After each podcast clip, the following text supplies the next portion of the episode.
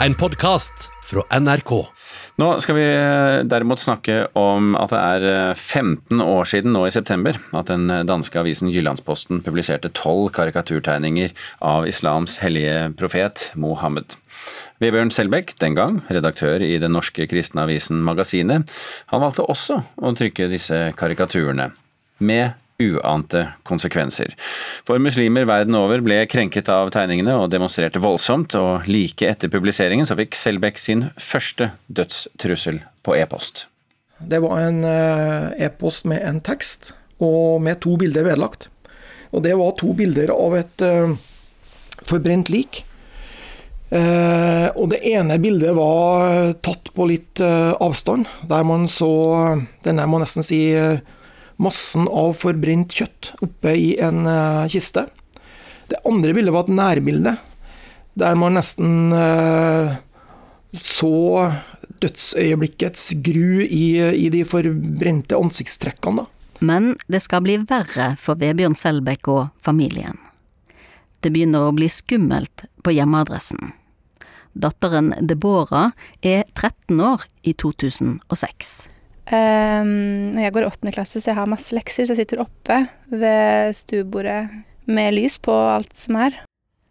Det kommer en bil med flere personer kjørende sakte inn i Blindveien, der huset til familien Selbekk ligger. Med, jeg vil tro, i hvert fall tre um, personer. Så gir mamma, tror jeg det er, beskjed om at uh, vi må skru av lysene og komme oss ned for da kan ikke de se oss gjennom vinduene. Foran de lave vinduene i andre etasje ligger Deborah på magen og følger bilen med øynene. De kjører raskt forbi husene um, som leder til vårt hus. Så stopper de nesten og kjører sakte de kanskje ti meterne der forbi huset vårt. Fra nedrullete bilruter i januarkulden stirrer mennene i bilen opp mot huset. Deborah ser at de ser henne. Foreldrene blir redde og bestemmer seg for at de må vekk. Jeg må løpe ned, jeg må pakke, pakke en liten veske.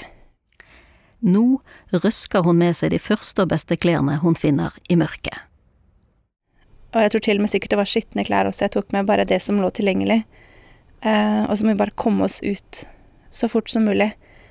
Familien kjører til et hotell i nærheten. Fra nå av skal ingenting bli det samme igjen. Men så gikk det jo ikke mer enn én en dag til, den 12. januar, så kom den første helt uh, udiskutable drapstrusselen. Det var også en e-post på engelsk med tittelen 'Await your death', vent på å dø. Du har uh, håna, krenka uh, islams profet. Vi skal drepe deg. Etter dette fikk familien Selbekk politibeskyttelse døgnet rundt. Barna måtte lære seg å se etter spor i snøen rundt postkassen og familiens bil, i tilfelle noen hadde plassert bomber der. Da Vebjørn Selbekk hadde mottatt over 50 drapstrusler i løpet av tre uker, måtte familien gå i dekning på hemmelig adresse. Familielivet ble ikke normalt igjen før Selbekk ba om unnskyldning for å ha krenket muslimer. Du hørte reporter Line Alsaker her. Dette var dog ikke hele historien, fordi hele historien, det hører du i dokumentaren Hele historien, striden om eh, Mohammed-karikaturen, den finner du i appen nrk.no. Du kan lete den frem der du finner appene dine. Kristin Berg, kinosjef for Norges største kinokjede, håper nå at Hollywood åpner opp for flere storfilmer på kino etter at filmen Tenet hadde årets tredje beste åpningshelg nylig. Det til tross for avstandsbegrensning i kinosalene, og at mange syntes filmen, som går både framover og bakover i tid, er vanskelig å forstå.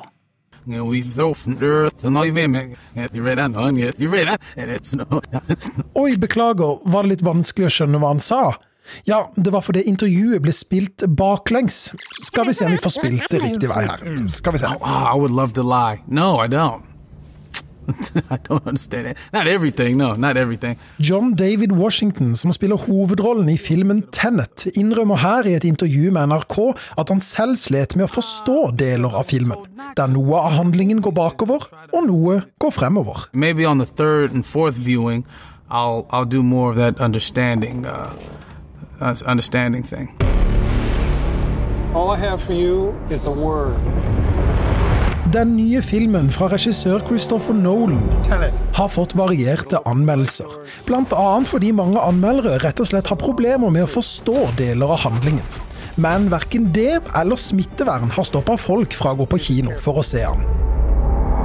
Tennet har et besøk på nesten 46 000 nå her i Norge. Dette er faktisk Christopher Nolans eh, tredje største åpning etter de to siste Dark Night-filmene. Og det er jo uavhengig av korona, så jeg må si at eh, vi har all grunn til å være fornøyd. Sier Kristin Berg, programdirektør i Nordisk Film Kino, en av landets største kinokjeder. Som fortsatt har, pga. pandemien, begrensninger i antall plasser per sal. Det viser at våre kinogjester føler seg trygge på kino. At ikke de er redd for å bli smittet på kino. Filmen har også gått over forventning internasjonalt, til tross for at han ikke har premiere i USA før om en uke. Hollywood-produsentene har- ser jo også på åpningen av Tennet her i Europa. Eh, og vi håper jo også det betyr at de tør å lansere sine store filmer i høst. Det som er utfordrende, er at koronasmitten øker i sentrale europeiske land. Name? Bond. James Bond. Derfor venter kinosjefene nå spent på hva som skjer med James Bond-filmen No Time To Die, som etter planen skal ha premiere 13.11. Hele kinobransjen venter i spenning på den avgjørelsen der. Men det avhenger jo helt klart av smittesituasjonen og utviklingen der.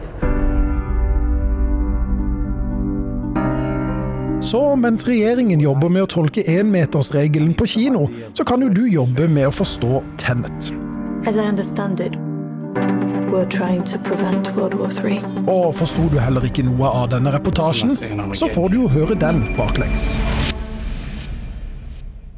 Reporter var Christian Ingebretsen. Og én ting er å forstå filmen Tenet, en annen ting er å forstå hvordan man skal oppføre seg hvis man for første gang eh, er publikum eh, på klassisk eh, konsert. Det er eh, feller å gå i der, kulturreporter Elisabeth Grøndal. Ja, det er sånn at man kan drite seg ut, og veldig mange har gjort det. Jeg har vært like ved sjøl. Og det handler om applaus. For når skal du klappe, egentlig? Greia er at ingen skal klappe før slutten av symfonien eller konserten. Selv ikke når du blir stille mellom satser i musikken, og gjør du det likevel, høres det utrolig godt. Ja, Hvis du er den ene, ja. Ja, og du er jo gjerne den ene. Og da snur de seg, de erfarne konsertgjengerne, og sender deg skumle blikk. Men dette her har en historie, for det har ikke vært som bestandig. Hvem var det som fant opp disse reglene? Det var ikke Mozart og Beethoven eh, som jo regnes som eh, fedrene til klassisk musikk. Eh, og de ønsket seg faktisk spontan applaus og til og med prating blant publikum i salen under hele konserten, skriver The Guardian i dag. Men så ble det vanlig at musikere leide inn profesjonelle klappere som skulle klappe akkurat for dem. ikke sant? Så De sto der klare, så når eh, denne fiolinisten kom, så klappa de som bare det. Og det må ha provosert komponistene Mahler og Mendelssohn, for de begynte å spesifisere i arrangementet for konserten akkurat når publikum skulle få lov til å klappe. Og det var når symfonien eller konserten var slutt. Litt eh, strengt, egentlig, er det ikke det? Ja, Det er kanskje litt strengt, eh, men etter deres ønsker altså De ønskene her ble standard eh, i løpet av 1900-tallet. Og det ble innført en ganske sånn enkel regel. Når dirigenten løfter armen, ikke klapp. Hvis armene henger ned avslappet, kjør på. Men dette er jo ingen som forteller deg når du er ny. Nei, så da hadde det kanskje vært eh, gøy da hvis folk fikk vise litt Jeg har en konsert i hodet her nå, eh, men jeg skal ikke ta det frem helt ennå. Det skulle vært morsomt hvis folk kunne vise litt mer begeistring. Ja, ikke sant? Uh, The Guardian mener hele klapperegimet er altfor strengt, og mener det bør mykes opp. Så hvis folk får klappe mer fritt i konsertene, så kunne det bli ganske mye mer liv og glede der, mener de. Så hvis du er på konsert og er den idioten som plutselig begynner å klappe akkurat der ingen andre gjør det, så bare ta med deg at The Guardian mener det er du som har rett. Ja, og så tenkte jeg på uh, Royal Albert Hall, ikke sant? Pump and Circumstances og full baluba, kjempegøy. Kanskje klassisk musikk skal lære litt av jazzen, som jo klapper ved, ved gode prestasjoner? entusiastisk. Hadde det vært noe? Det hadde absolutt vært eh, det rette, hvis du spør The Guardian. Da sier vi det til det klassiske publikum også. Kjør på! Og så har det kommet en eh, ny roman fra Elena Ferrante. Det er noe mange lesere har ventet på, og nå er den her altså. 'De voksnes løgnaktige liv' blir lansert i dag, og igjen skal vi tilbake til Napolis gater. Tiden er 1990-tallet. Og litteraturkritiker Leif Ekle, er det en oppfølging av Napoli-kvartetten vi får med denne boka? Nei, en oppfølger er det ikke. Eh, det er vel heller sånn at Elena Ferrante har satt seg fore å bore dypere og bredere i ting hun har skrevet om før. Og Det gjør hun ved å skifte synspunkt etter fortelleren eh, klassemessig, blant annet. Så hva er det denne boka handler om? Altså, Boka har en jeg-forteller, Giovanna. Hun er datter av to gymnaslærere eh, på to av byens bedre skoler. Bor altså litt opp i byen. Og en dag når hun er 13 år, så hører eh, Giovanna sin elskede far si at Giovanna er stygg. Og det glemmer hun ikke. Eh, selv om det faren egentlig sa, det er at eh, skoleproblemene til Giovanna de skyldes ikke pubertet, de skyldes at hun begynner å ligne tante Vittoria. Og Da er vi ved en ny, viktig person i boka. Tanta fra helvete, eh, farens søster, som aldri har tilgitt faren at eh, han jaga elskeren hennes, en gift mann med tre barn, ut av døra. Uh, og hun har lagt ham ettertrykkelig for hat, og hun er da blitt igjen der nede i byen hvor han kommer fra, men han har altså bevega seg opp gjennom utdanning og dannelse. Og Sånn blir det at ungjenta Giovanna skal ettergå, eller vil ettergå, farens klassereise. Og hun kommer seg da etter hvert nedover i byen til steder og familie hun nesten aldri har sett. Eh, og der er det jo store hjerter og sterke følelser og grovkanta dialekt og enkle kår. Og denne tanta som er litt annerledes enn det bildet hun har med seg hjemmefra. Du antydet at eh, Ferrante kanskje ville bore videre i tematikken vi kjenner fra før. Eh, på hvilken måte? Ja, altså Der Lenu i Napoli-kvartetten bevega seg fra den lutfattige bydelen oppover til trygg middelklasse og status som betydelig forfatter, går Giovanna på sett og vis motsatt vei, da, på, i jakten på seg selv og sitt. Eh, problematikken er jo lik allikevel. Eh, klassebakgrunnens betydning, dermed også klassereisen. Eh, kan man forlate en bakgrunn og bli en annen? Kan roller byttes og følelser, altså felles røtter kuttes uten at man begynner å hate seg selv? Tante Vittoria er også en, en, litt kjent figur. Vi husker vel alle som har lest Napoli-kvartetten, Lenus nabo i bydelen, eh, som blir gal av eh, sorg og frustrasjon da hun blir forlatt av sin elskede poet. Og vi husker Olga fra 'Svikne dager', eh, en nokså desperat kvinne. Det, altså, det handler altså om den forsmådde kvinnen. Og eh, dette er jo temaer som vi kjenner igjen, da. Eh, men også det med løgn og utroskap. Men du, Leif Ekle, til slutt. Eh, liker du denne romanen? Ja, veldig. Eh, ikke bare fortellinga og, og, og, den tematiske boringa medrivende. Jeg har veldig sans for Ferrantes stil. Eh, hun skriver jo nesten fritt for adjektiv. Den tørt og saklig, uten at, uten at karakterenes følelser og, og liv blir borte. Eh, kan være en innvending at det kan bli pratet det iblant, og det kan tippe over i melodrama, men stort sett så klarer det seg veldig godt. Og så må vi si at Kristin Sørsdals nynorske oversettelse er strålende denne gangen også.